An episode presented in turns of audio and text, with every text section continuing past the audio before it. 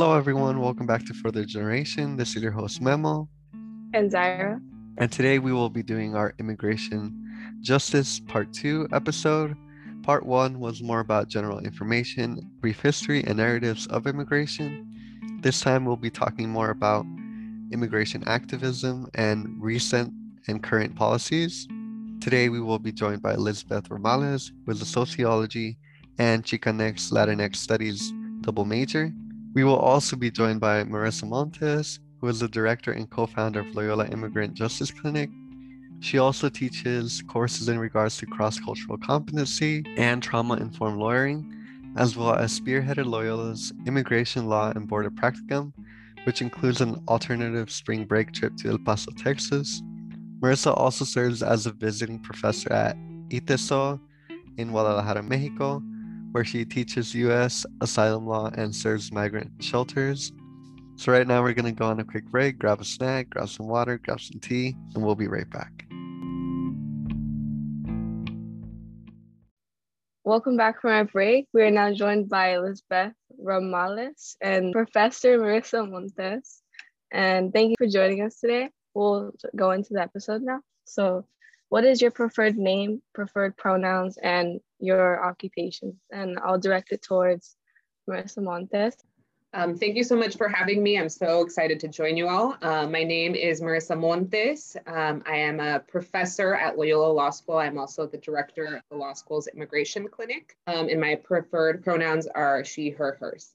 So hello, thank you for having me. It's always a pleasure. Um, my name is Lisbeth Ramales, but I go by Liz.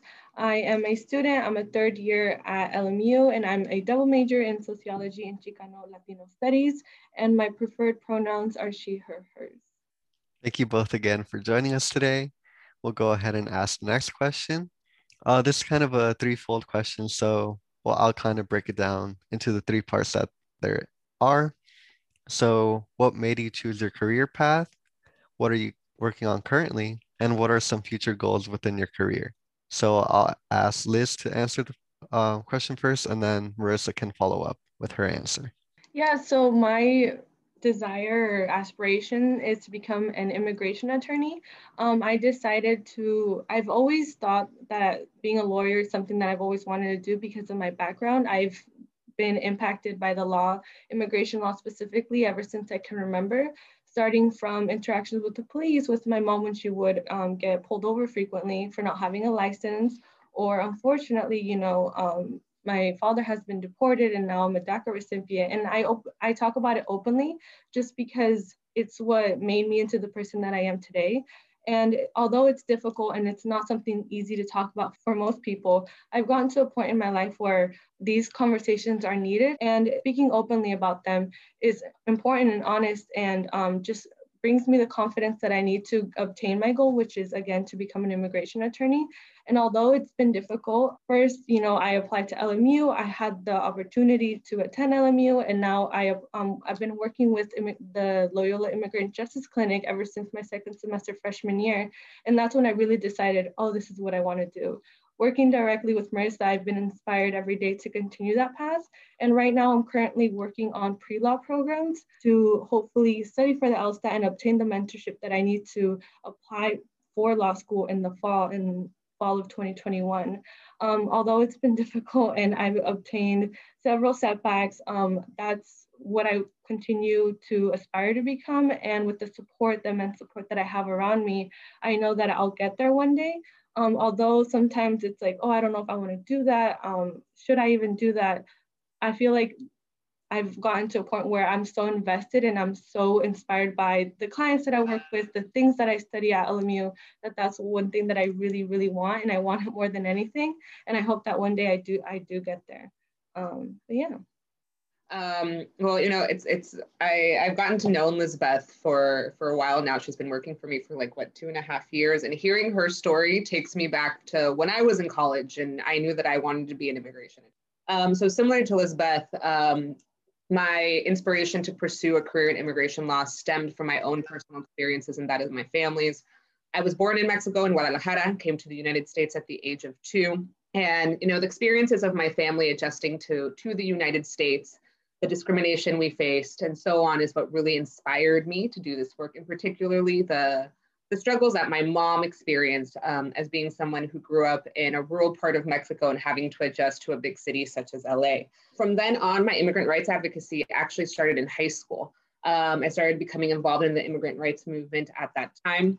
I Actually, this is this was a long time ago. You all were probably very young, but this was back in the day when they were staging the day of uh, a day without a Mexican, when they first attempted to give undocumented immigrants licenses and it, and it failed to pass um, I actually walked out of my school along with some of my classmates.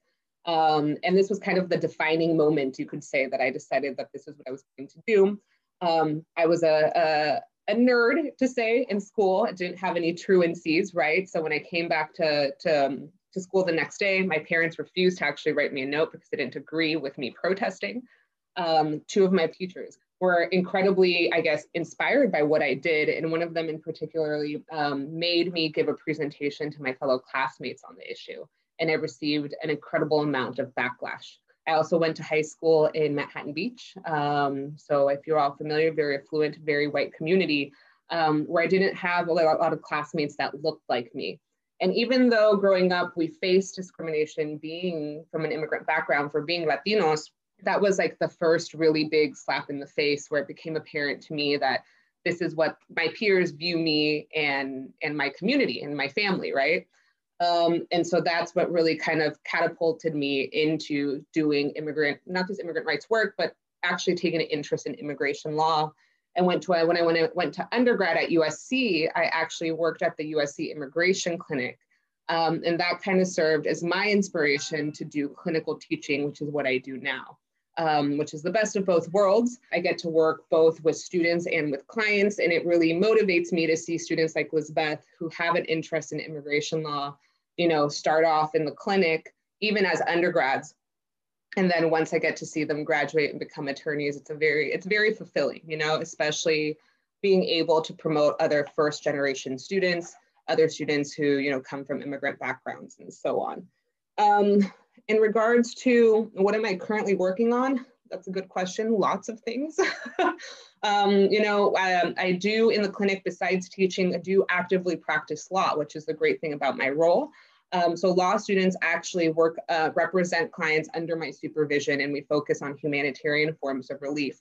So unaccompanied children, asylum seekers, victims of human trafficking, victims of crime. These are all kinds of cases that Lizbeth has actually gotten to ex exposure on as a, an undergraduate student. We also do a lot of policy and legislative work, um, well, at least more on the state level, but we're hopefully to engage now in a federal level, given that we have uh, a much kinder administration.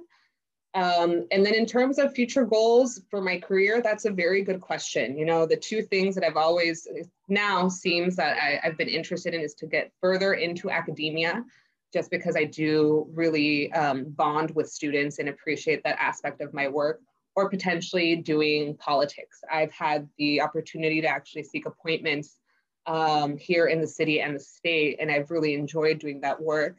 So I don't know, may, maybe in the future, um, something in politics will will come up.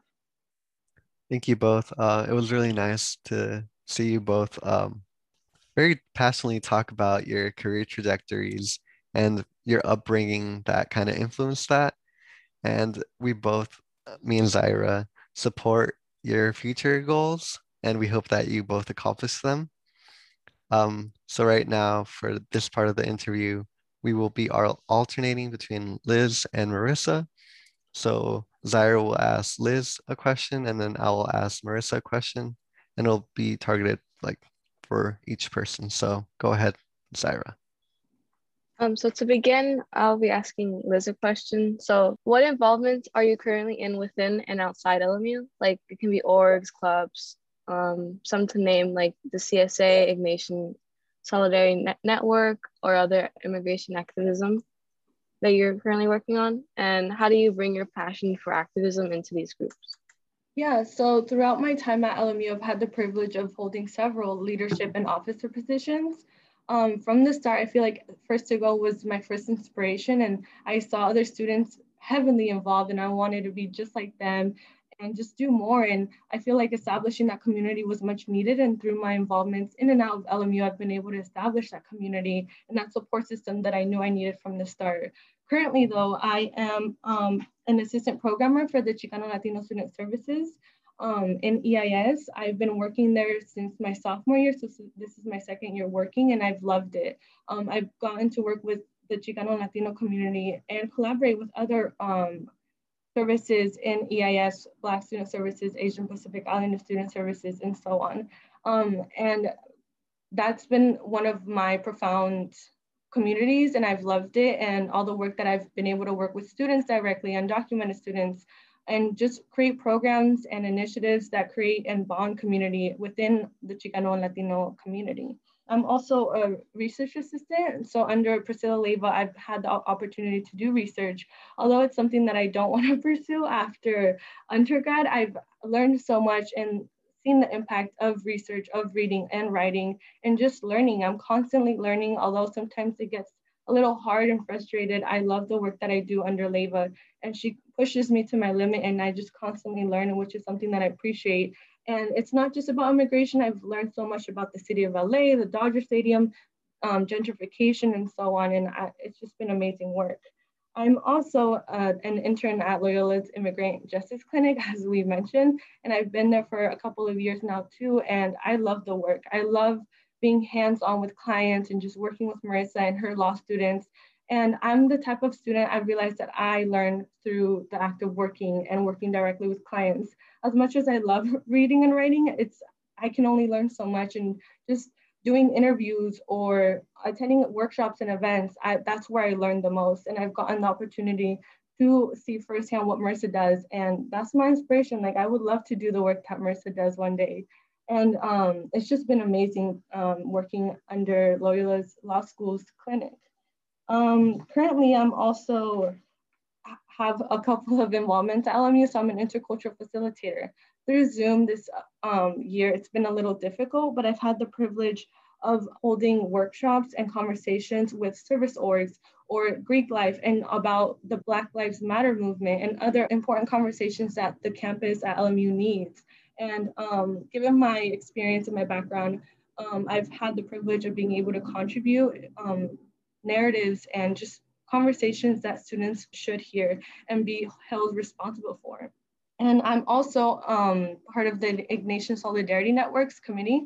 So we meet once a month um, where we attend organization calls and that's a space for only DACA students. So it's nationwide. So I have had the opportunity to work with other DACA recipients in, for example, University of San Francisco and other universities where we can check in and provide that safe space and like, what are you doing on your campus?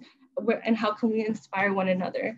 Um, although the work gets hard and it's difficult conversations, just being in a space with other DACA recipients is so re rejuvenating because sometimes you feel alone. As much as um, you work with students all over campus, sometimes it gets difficult because you don't feel like they understand you or they know what you're doing. And being that one person like holding the identity of immigration or DACA, it's a lot of responsibility. So that space being with other DACA recipients and working with the Ignatian Solidarity Network has been a rejuvenating experience just because I get to see other students and what they do and how I can bring that back to campus. Um, but those are some of the direct immigrant justice organizations and clubs that I work under and have the, had the privilege of volunteering for. Thank you for sharing that, Liz. I think it's amazing what you've been able to do like in your career while at LMU. I remember as like just coming in like last year, I wanted to become like more involved with like all of the stuff that was happening at LMU there's so much going on that you just like you need to like get yourself involved in. And actually in the last episode, there were the two people who we interviewed, they were talking about um something called Boundless LMU where they wanted to bring like a space for like DACA and Dreamer recipients. They can have like a space to like go to and ask the question that they need to. So I think it's pretty cool that you guys both have the same like idea of bringing a space element where they can where people like that can feel safe. Thank you, Zaira. Thank you, Liz. You both touched upon various points that are important. And um, I can feel like you're very passionate about your career. And I can see that through all your involvements. And I think LMU is very thankful for everything that you've done for us. Um, at least I am. So for from Marissa, I have a question. So what are some federal and state policies that undocumented college students should know about? Um, great. Yeah, happy happy to chat about that. I'm going to focus a little bit more on the federal, just given that it's what's been in the news, right? Um, so first things first, um, you know, a lot of people have questions like, what did Biden's executive order on DACA mean? More than anything, it was kind of like a political stance on his end, saying that he was there to reinforce DACA and that DACA wasn't going to go anywhere, right?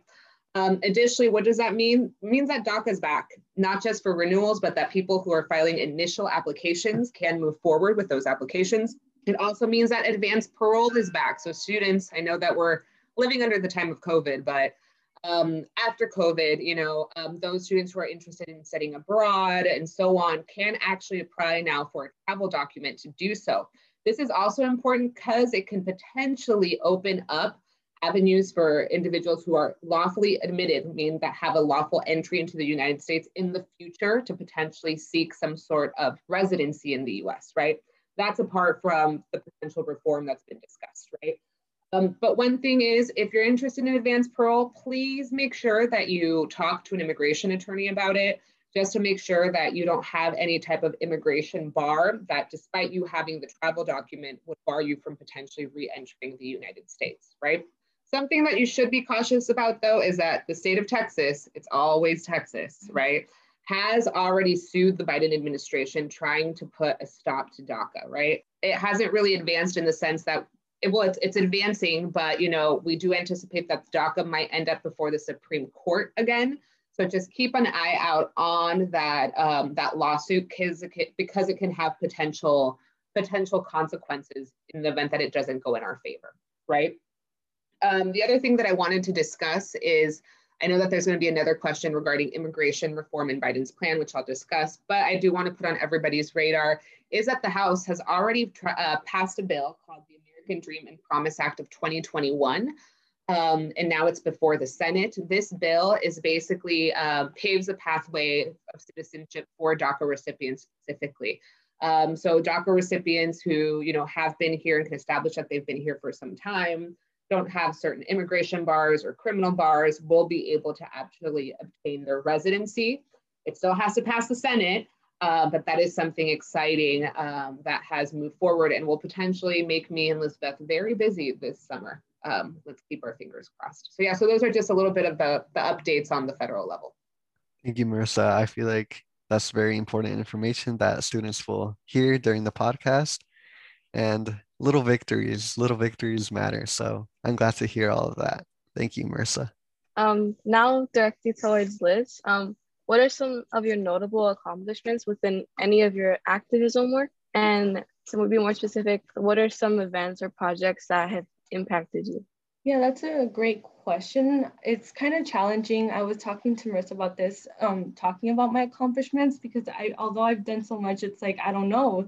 But at the same time, the way I know is how are students that come after me being assisted and supported and having the initiative to step up into these positions and um, take initiative for themselves. And I feel like one of the major accomplishments for myself has been that I am documented and proud. Before LMU, it, I felt almost embarrassed, if I'm being honest, to be documented. I didn't know the all I've ever been told is about my limitations, what I can't do, that I can't do this and that. And that's a narrative that's really hard to dismantle.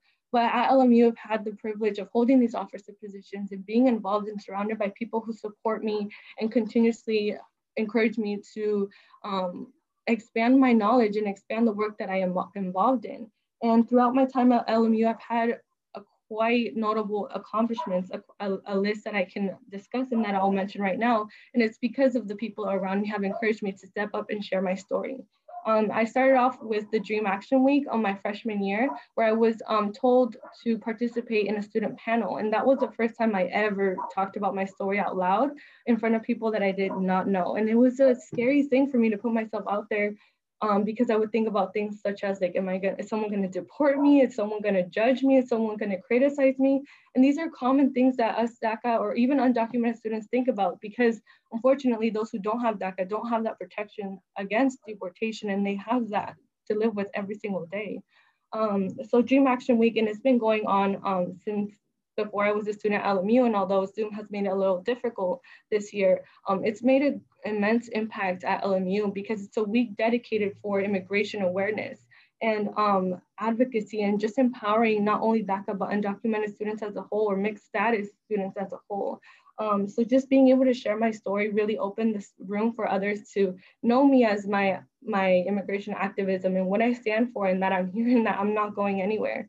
Um, and that led me to different um, panels that I, have gotten to speak at in and out of the classroom. For example, one of the professors in the Chicano Studies department has invited me continuously to talk about my story in her classroom to her uh, students studying Chicano Studies. And that's been a great experience, just being able to talk about my experience, what it means to me, and how I can inspire others to continue that work as well.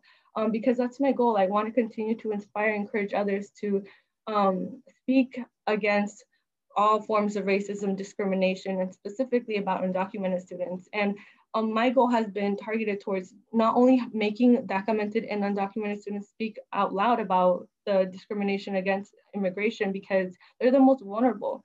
Um, it's hard constantly having to be the undocumented or the documented student to speak out. Like I want to enable allies. I want to encourage others to speak out loud about um, the hostility that exists in, in the classroom at LMU itself. So Dream Action Week is, has been an immense um, impact and something that I've been um, had I've had the privilege to contribute and facilitate and continue to encourage others to participate in as well. And um, along with my work in the intercultural facilitation as a facilitator, I've had the privilege and honor to work with other organizations as well, and not just about immigration. Although I am known for my immigration activism, I've had um, the opportunity to expand my knowledge and support other movements and other forms of racism that exist on campus. And just using my voice and the empowerment that I've had and I've been able to establish and um, increase throughout my time at LMU to continue that conversation because these conversations are difficult. And whether we have them through projects, um, Dream Action Week, it's important to have them in the classroom as well, where we're where we're seeing with other students from all backgrounds and our continued higher education because it doesn't only stop at LMU, it goes so far beyond that.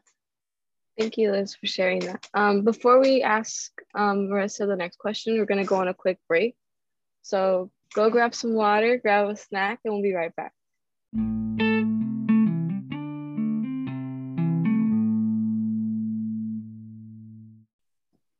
Welcome back. We're back from our break.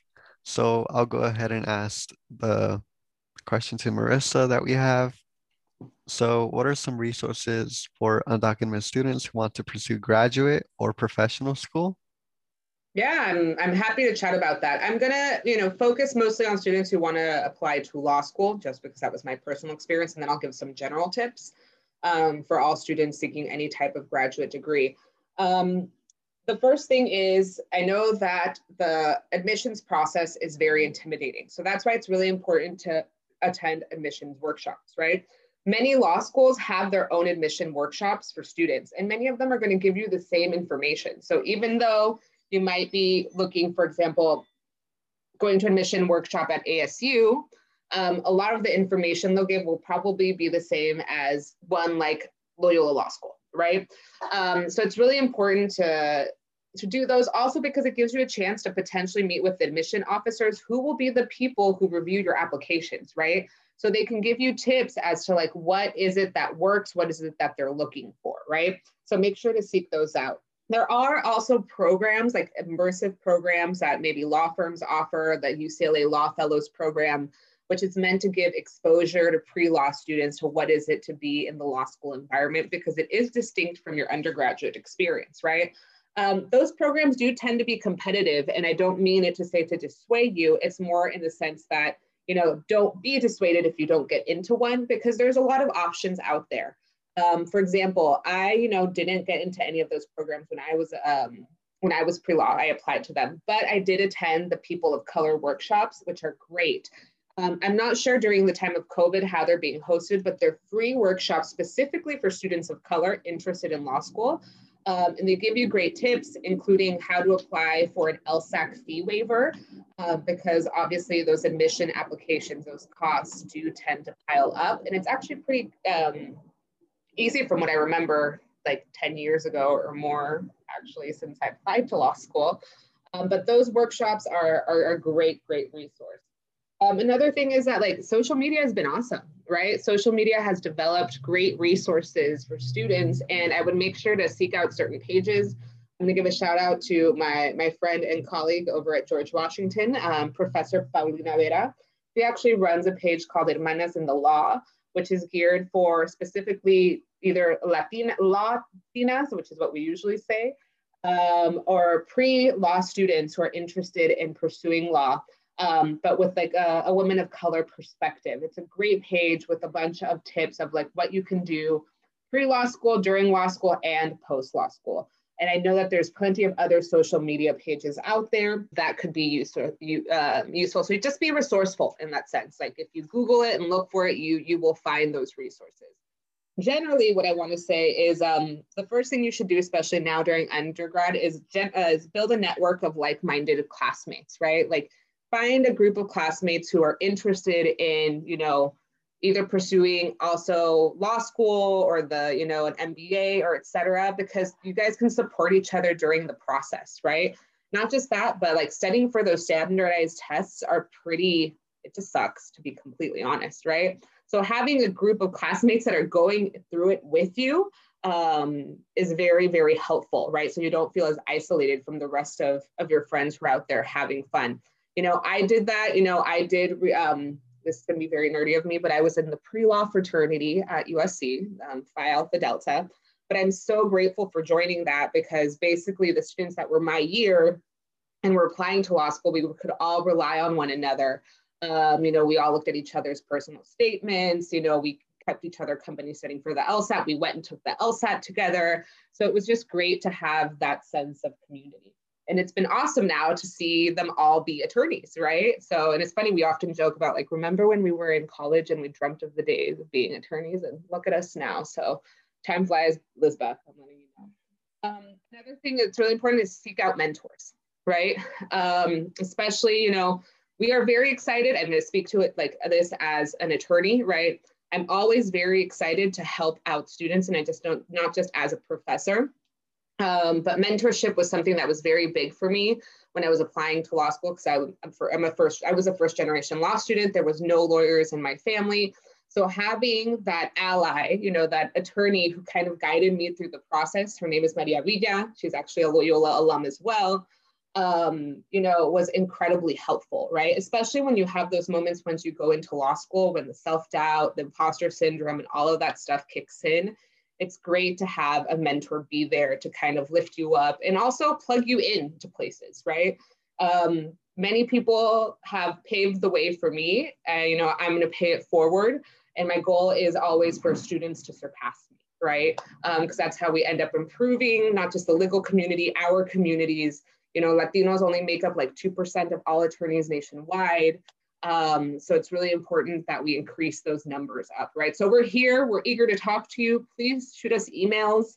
Um, you know, attend like um, the Mexican Bar American Bar Association has a lot of networking events, the Latina Lawyers Bar Association.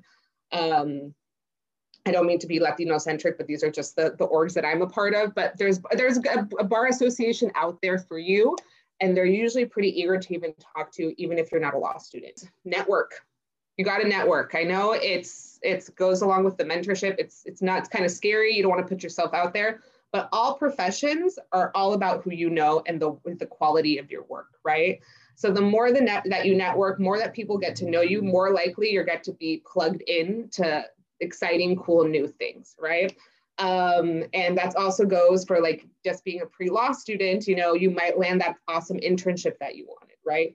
which leads to my last point is that it's really important to get exposure, right?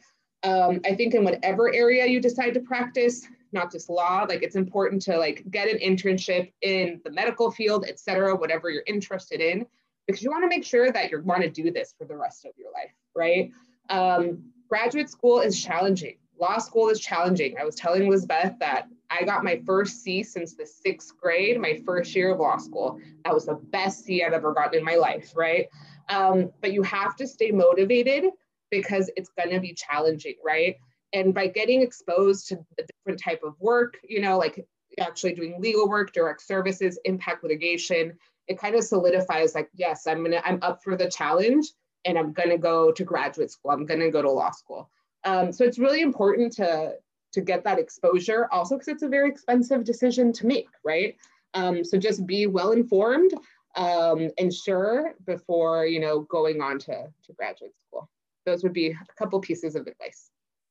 Thank you so much. That was really valuable information, actually. Like, I feel like as students, we need to be constantly reminded to network because we kind of procrastinate on that. At least personally, I do procrastinate on networking, but I feel more like a little bit more motivated now that I've heard it from someone else who actually like got the benefits of the networking that we talk so much about, yet never like actually do sometimes. Um, but yeah, thank you for all the resources that you mentioned. And we'll be sure to reach out and have it actually written down so we can share it with the students as well who are listening. So for Liz, uh, while working under Marissa, what have you learned that you believe other students should know? Yeah, that's a great question. And it's I'm always learning under Marissa and I'm always being challenged and um, encouraged to reach my potential. And as much as I've gotten from other people, it's really been a special honor to get it from someone who's directly doing something that I want to pursue. And it's it gets hard, you know. I feel like the two things that I've really learned is to one ask questions and to two to unapologetically be yourself. And that's something that's really really hard, especially in the um, area that we as um, aspiring attorneys enter because being a lawyer is so intimidating. At least from my perspective, like the idea of becoming a lawyer is like, oh my God, like, can I even do that? Like, how am I going to get there? But working under Marissa, and seeing the impact that she's made and all that she's accomplished, I'm like, oh, that's possible. Like, I can get there too. And anyone can get there too, whether that's in law school, graduate school, whatever the profession they want to go into.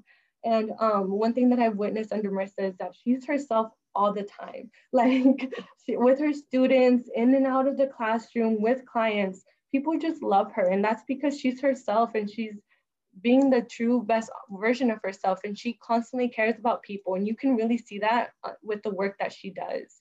And being having the opportunity to follow her around, like I literally follow her around. She takes me to her workshops. She invited me to one of her law um, classes.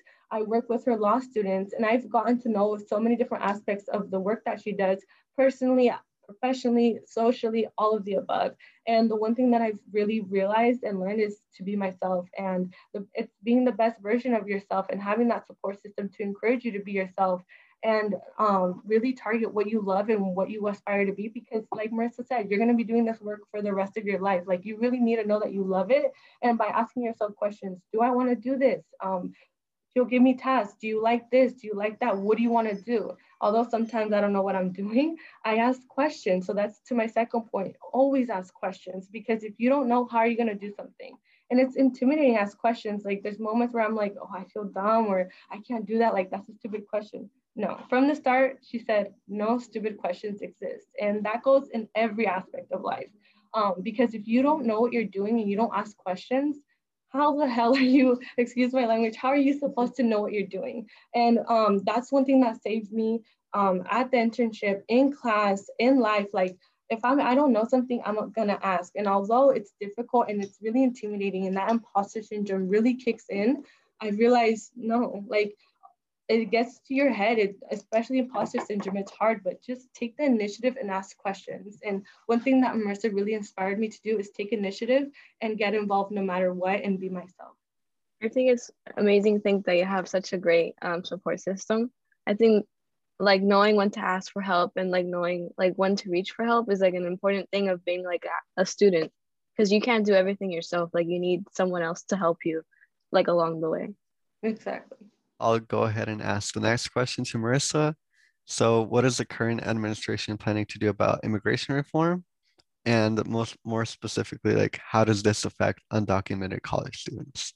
To chat about that. So, a couple of things. Uh, when I whenever I get asked about immigration reform and its likelihood, um, I like to point the the following out. It's that despite the plan that Biden has put forward in the U.S. Citizenship Act of 2021 that's not actually um, one of his powers per se, right? It says it's not the responsibility of the executive branch to establish immigration reform. If not, it actually belongs to the legislative branch, right? So despite the big game Biden might be talking, you know, and the proposal that he put forward, he did end up giving over to Congress. Whatever comes out is really going to be determined to the legislature, right? The legislature is going to be the one that makes that decision. Um, so Biden right now is basically proposing or has, you know, recommended to the to Congress um, some sort of amnesty in quotation marks, right? Um, which basically would allow individuals who were here undocumented um, for a period of time to apply for temporary residency for a set period of time. And then after having five years of temporary residency, they can apply for permanent legal residency, which is the green card, right? And then after that, three years would be able to obtain their US citizenship. Um, DACA recipients, TPS holders, and farm workers would be exempted from the temporary residency requirement because you know they can demonstrate that they've been here for a while or they've had some sort of even doc, though DACA and TPS are not necessarily a status, right? They've had some sort of, um, I guess, yeah, like immigration status given to them prior, right? Versus someone who is just undocumented. Um, and that's what basically we're seeing with the two bills that have been proposed by the House. One that's regarding, you know, paving a way for DACA recipients to obtain citizenship, and the other one that is for farm workers, right? Um, and another thing to just bring out is that immigration reform takes a long time, right? Um, so it's, it's not anticipated that we'll probably get anything within the next year, right? Um, and also what we think is going to happen is that, you know, instead of doing some sort of comprehensive reform, it's going to be piecemeal legislation like the two bills that we see that I, have I've spoken about, right?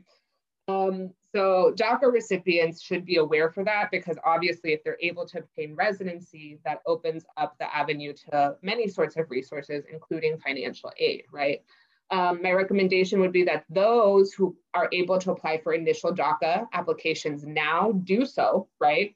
Um, so that they start accumulating the necessary time in the event that they are able to apply for, for residency. Um, just something to a couple of things that I wanted to also bring up that DACA students should be aware of, which are issues that I often see. Um, not to be a mom, right? Um, but please watch out for what you post on social media, right? Um, I, I, appreciate your activism, it is awesome. Um, but the Trump administration was using social media as a tactic to deny people entry into the United States um, or potentially flag them for certain types of inadmissibility grounds. Um, you know, I would think that the Biden administration wouldn't do such a thing, but you can't put anything past the government. So please watch out with what you post on social media. This also leads to my second point, consumption of alcohol and weed, right? The number one way that my DACA recipients have lost their DACA has been through DUIs. So one DUI and you will lose your DACA, right? It's not worth it to drink and drive. Please just call a Lyft or Uber. Cost you 20, 30 bucks that's better than losing your work permit and then having to pay for you know all the legal fees in criminal court which come out to about 10 grand um, so please be aware of that another thing is weed i get it california legalized it right but that doesn't mean you can smoke it or you can enjoy it um, the reason being is that it's still illegal on the federal level right and there's been cases of daca recipients who either disclose consumption of marijuana um, and then are unable to actually obtain, you know, legal status or get their DACA revoked. So just keep an eye out for those things. Um, we're at a point where, you know, reform is actually very probable. And I would hate, hate, hate for you to lose out on your opportunity um, to, you know, obtain your green card just because you had too much fun at a party. Um, so those are just some pieces of advice for my documented college students. Thank you for that advice. Um, I wasn't aware of these uh, issues that are surrounding DACA. But yeah, as Marissa mentioned, we should be more careful about what we post on social media in general, actually, and also avoid alcohol and weed as much as possible. Now direct the next question to Liz. Um, how does your first gen identity inform your activism in immigration? I feel like this my first generation identity inspired everything that I've done, especially especially at LMU. Starting with First to Go, that was my first safe and comfortable space that really initiated the success that I've had at LMU. If it weren't for First to Go, um, for all the people that I've met and even my classmates, I wouldn't be here today. And it's given me the sense of resilience that I've had and I've always had, but I feel like wasn't at my potential until I got to really know what a first generation identity is and what it consists of. Because at first it's like, yeah, I'm the first in my family, but I didn't know what that actually meant. There's so much empowerment within this identity itself, not just for undocumented or documented people, but all first to go identity. And that was my first realization where I'm like, oh, like I did that, or this is me, and I'm doing it for the rest that come after me. And I hold pride in that because I'm the first in my family to even graduate high school. Um, I'm the oldest in my my immediate family and extended family. And the fact that I have had the privilege of going and attending an institution such as LMU, I don't take it for granted. It's because of my first generation identity. It humbles me, it enables me, it excites me. It's everything and everything that I could possibly want. And at first, it's, you know, it's hard. Like being the first in your family, it's such a responsibility and there's so much that consists of it. But like when you see that community, especially at LMU, that we have other classmates or a whole organization, a community that is there to support first generation students, there's no stopping us. There, I've seen first to go students succeed in so many different ways and continue to create initiatives and policies and activism on campus that um, if it weren't for first to go, you know, we wouldn't have been able to see. Um, so it's really my first generation identity. It continuously inspires me and gives me that resilience that I need to keep going. Thank you for sharing that, Liz. I think first to go, like even for me, it was like the like how you said, like it was my first safe place like at college, and it it like was a stepping stone for me to like feel comfortable to even like think about exploring other things in on campus. So I think having these spaces is like an important thing on for students who don't know like or not as informed as other students who may have families who've gone to college before. Exactly. And to your point, I think something as little as how do you register for classes or how do you talk to a professor can really initiate your college experience. So um, I'm really thankful for First to Go, but that first generation identity is incredibly hard because there's little things that you don't know and how to piece together. Um, but as a community, we've been able to overcome that slowly. Yes, everything you said is like on now. Um, before we move on to the next question, uh, that we have for both of you. I kind of wanted to ask Marissa if you yourself are a first generation college student. Um, so technically, I am not a first generation um, student, college student, because my dad um, put himself through college when I was a little kid. Um, he graduated from Dominguez Hills when I was in kindergarten. Um, but nonetheless, it was a struggle when I was applying to law. I mean, to law school, well, both law school and um, undergrad because my parents weren't really familiar with like the admissions process or anything like that. So I really had to rely on school counselors when I was in in high school and so on to help me navigate the process. I am a first generation law student though, and that was very very overwhelming um, because my parents had no clue, right? Like what is what are the steps that you have to take um, to go to law school? They didn't understand why I was freaking out from the LSAT even when I took the bar exam, I remember my dad told me, he's like, pues no sé, like why you were so worried? Like you pass everything. And I was like, thanks, thanks for your reassurance, dad. that was basically his way of congratulating me. Um, but that's why it's so important to not just seek out these programs, but mentorship, right? Because we've been there. Like, you know, as a first generation law student, like I've been there. I know the struggle. I understand how scary the experience is. I had, you know, people pull me up and, you know, I look forward to pulling up future generations, you know? Um, so seek like really, really do seek us out. Like we're limited in numbers, you know, we're not many who, who've made it this far, but um, those who have understand the importance of ensuring that others do too. Thank you, thank you, thank you. So I'll go ahead and ask the next question for both of you. What are some like last tips or advice for undocumented students that you know of and I'll let Marissa answer first.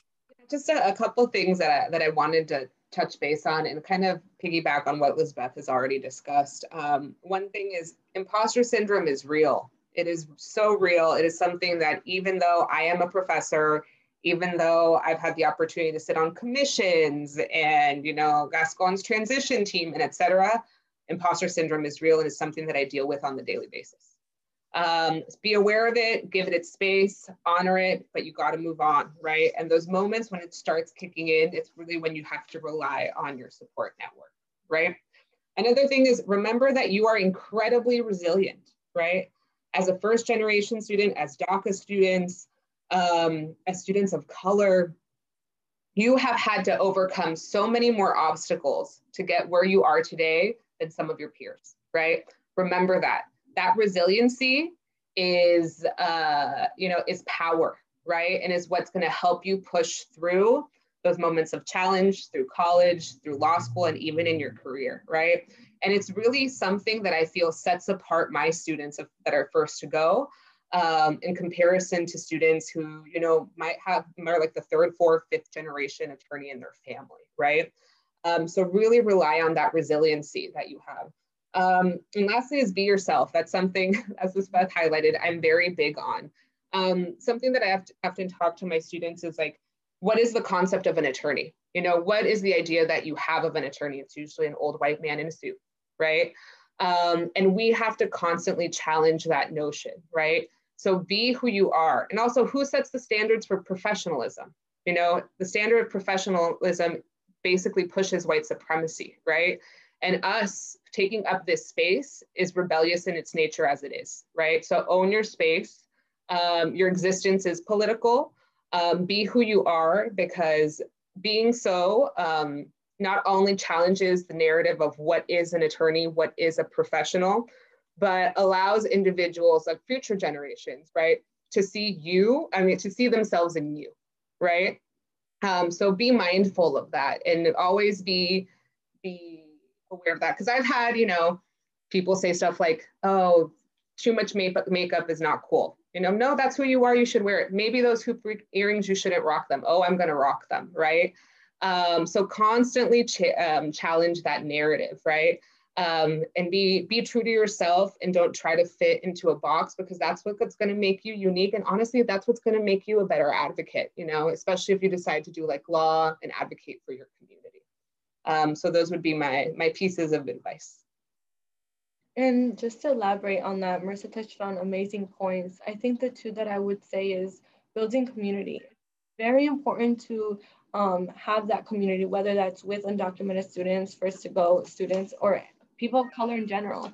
I know I can't do it alone and I need a support system. And I tried everything in my power to build that support system because I needed that sense of community. And on campus, on campus we have the social justice scholars and we're a small community um, but i wouldn't be able to be where i am today without them. Like i see myself in them. We inspire one another. Although we may not be close or um, besties um, we're there for each other. You know we share the identity and we feel understood and I, I feel seen. Like if i see someone doing amazing work i'm like yes you did it I am so proud of you. And just having each other's backs and support system is very essential because it can be simple as I don't feel understood and can it set you back so many steps. And by feeling understood and heard and, and just seeing it's like I re feel re-empowered. And it's very essential because being intimidated and being told of our constant limitations, it's tiring, it's exhausting, it's saddening. And you know, it's